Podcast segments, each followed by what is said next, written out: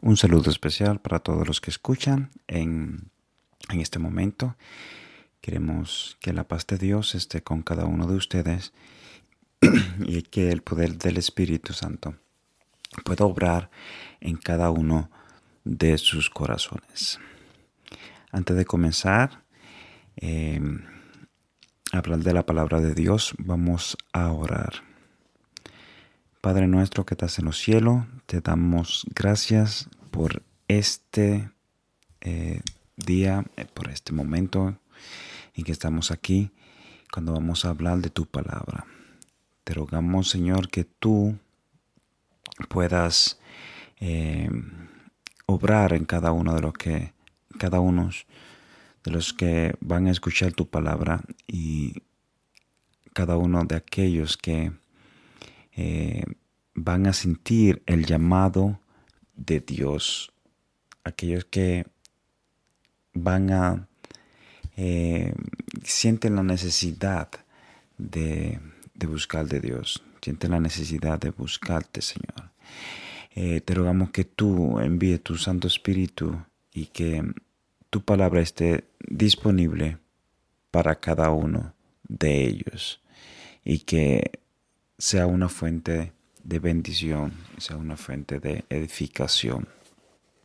Gracias Señor por tu amor y por la bondad y ese sacrificio que tú has hecho por cada uno eh, de nosotros.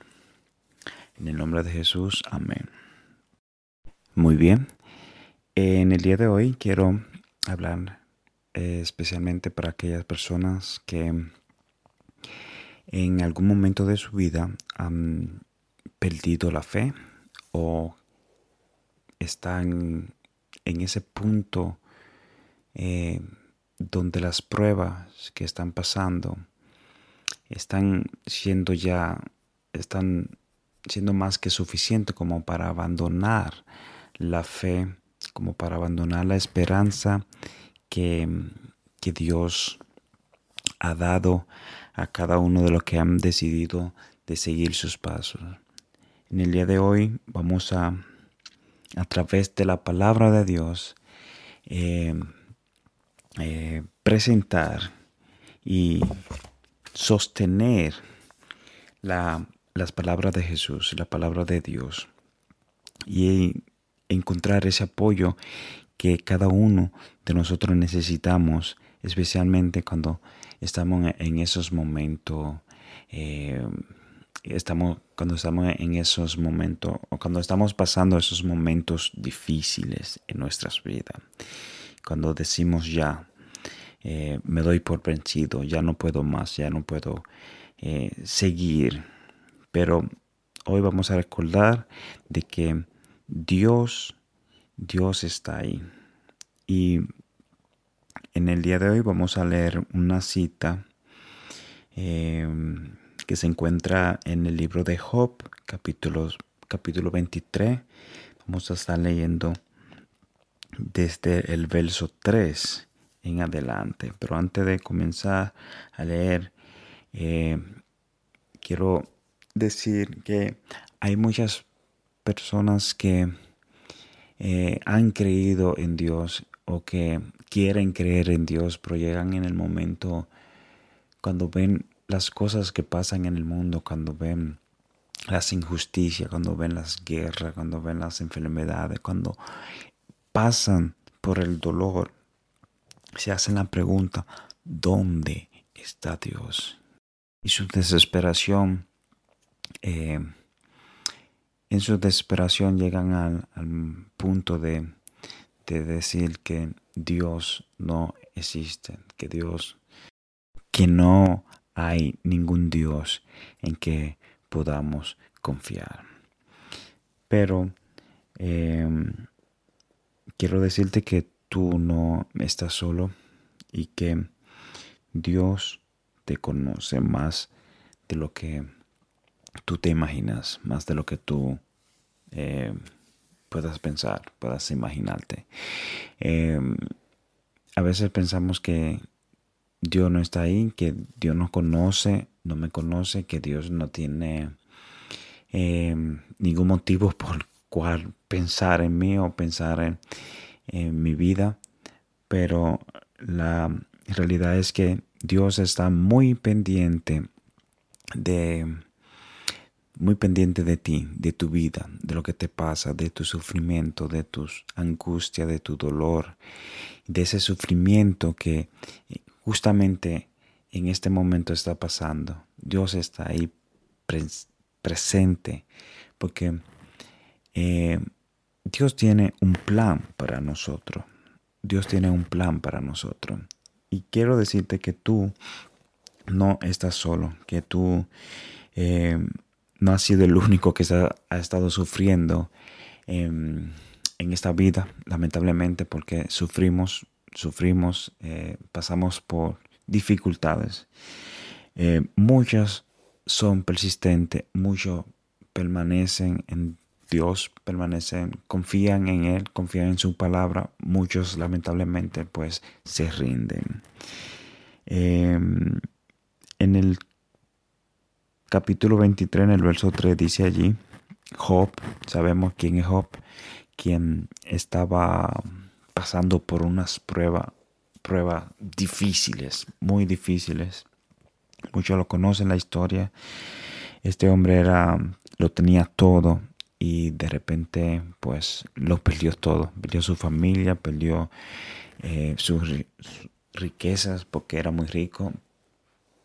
Cayó en enfermedad, una enfermedad de llagas en el cuerpo que, bueno, para él era muy difícil existir. Y él dice así, en el verso 3, dice, ¿quién me diera el saber dónde hallar a Dios? O sea, ¿quién me diera saber dónde hallar? Yo iría a su morada, yo iría allí, donde Él está. Dice en el, verso 4, dice, expondría eh, mi causa delante de él y llenaría eh, mi boca de argumentos. Yo sabría lo que él me respondiese y entendería lo que él me dijera. Verso 6 dice, contendería conmigo con la grandeza de su fuerza. No, sino que él me atendería. Allí el justo razonaría con Él y yo escaparía para siempre de mi juez. Verso 8, que es la parte que quiero resaltar, dice, eh, si me dirijo al oriente, no lo encuentro. Si al occidente, no lo descubro. Si Él muestra su poder en el norte, yo no lo veo, ni tampoco lo veo si se oculta en el sur. O sea, eh, muchas gente piensan de esta manera de que, ah, pero Dios hace esto, Dios hace aquello, pero yo no puedo verlo en mí, o sea, yo no puedo eh, estar en su presencia yo no puedo experimentar eso. Pero él dice allí en el, en el verso 10, eh, mas él conoce mi camino.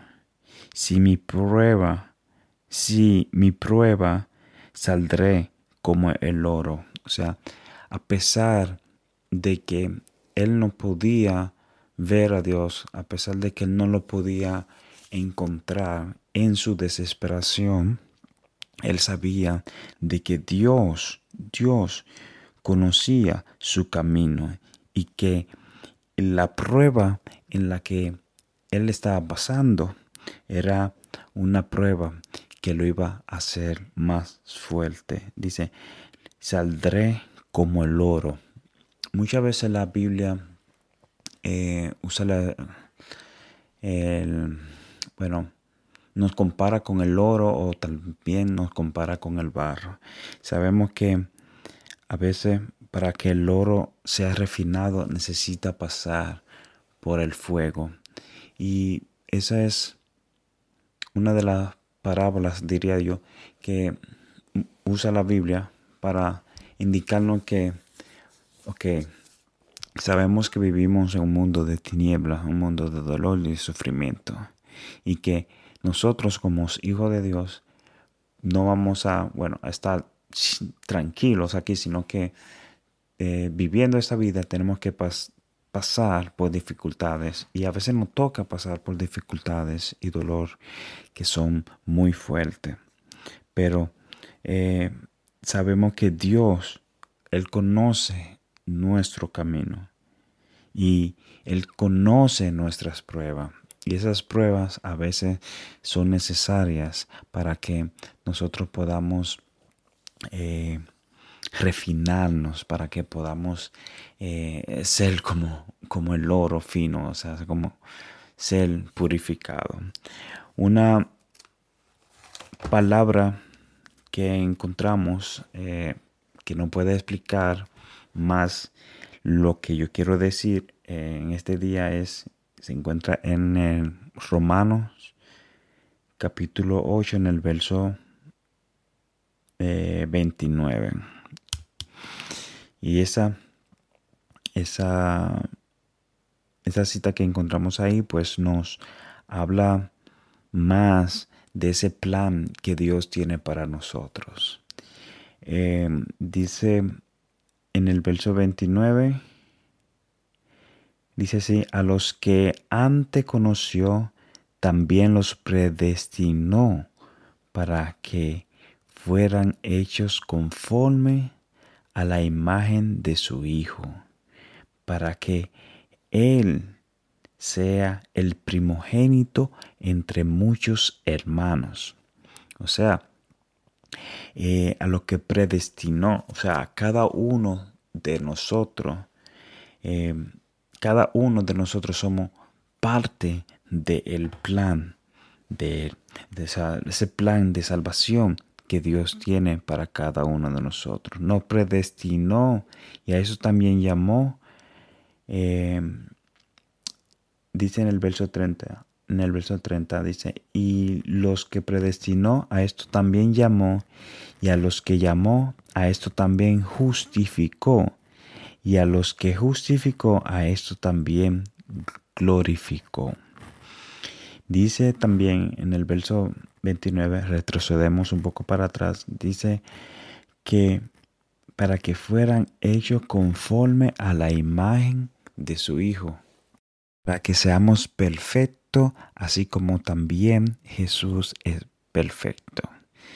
En otras palabras, encontramos eh, que encontramos en la Biblia, eh, podemos encontrar que, un ejemplo, la palabra de Dios hechas para eh, instruir, corregir, a fin de que el hombre sea perfecto, o sea, sea un hombre perfecto, así como, como éramos en el principio, cuando salimos de la mano de Dios. Sabemos que el hombre se separó de Dios y bueno, cogió caminos diferentes y bueno, no hemos corrompido, no hemos dañado y la misión de Dios es que nosotros eh, podamos ser, podamos ser perfectos como éramos en el principio, que podamos ser hechos conforme a la imagen de su Hijo.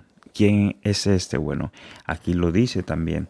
Dice que Él nos llamó a cada uno de nosotros. O sea, cuando Él vino aquí a la tierra, su Hijo Jesús, Él nos llamó y nos está llamando justamente en este momento a cada uno de nosotros para que eh, nosotros, si queremos, si queremos, porque es decisión de nosotros, eh, si queremos eh, ser perfectos, si queremos venir y ser reconciliado con Dios. Y todo esto se puede hacer solamente a través de Jesús.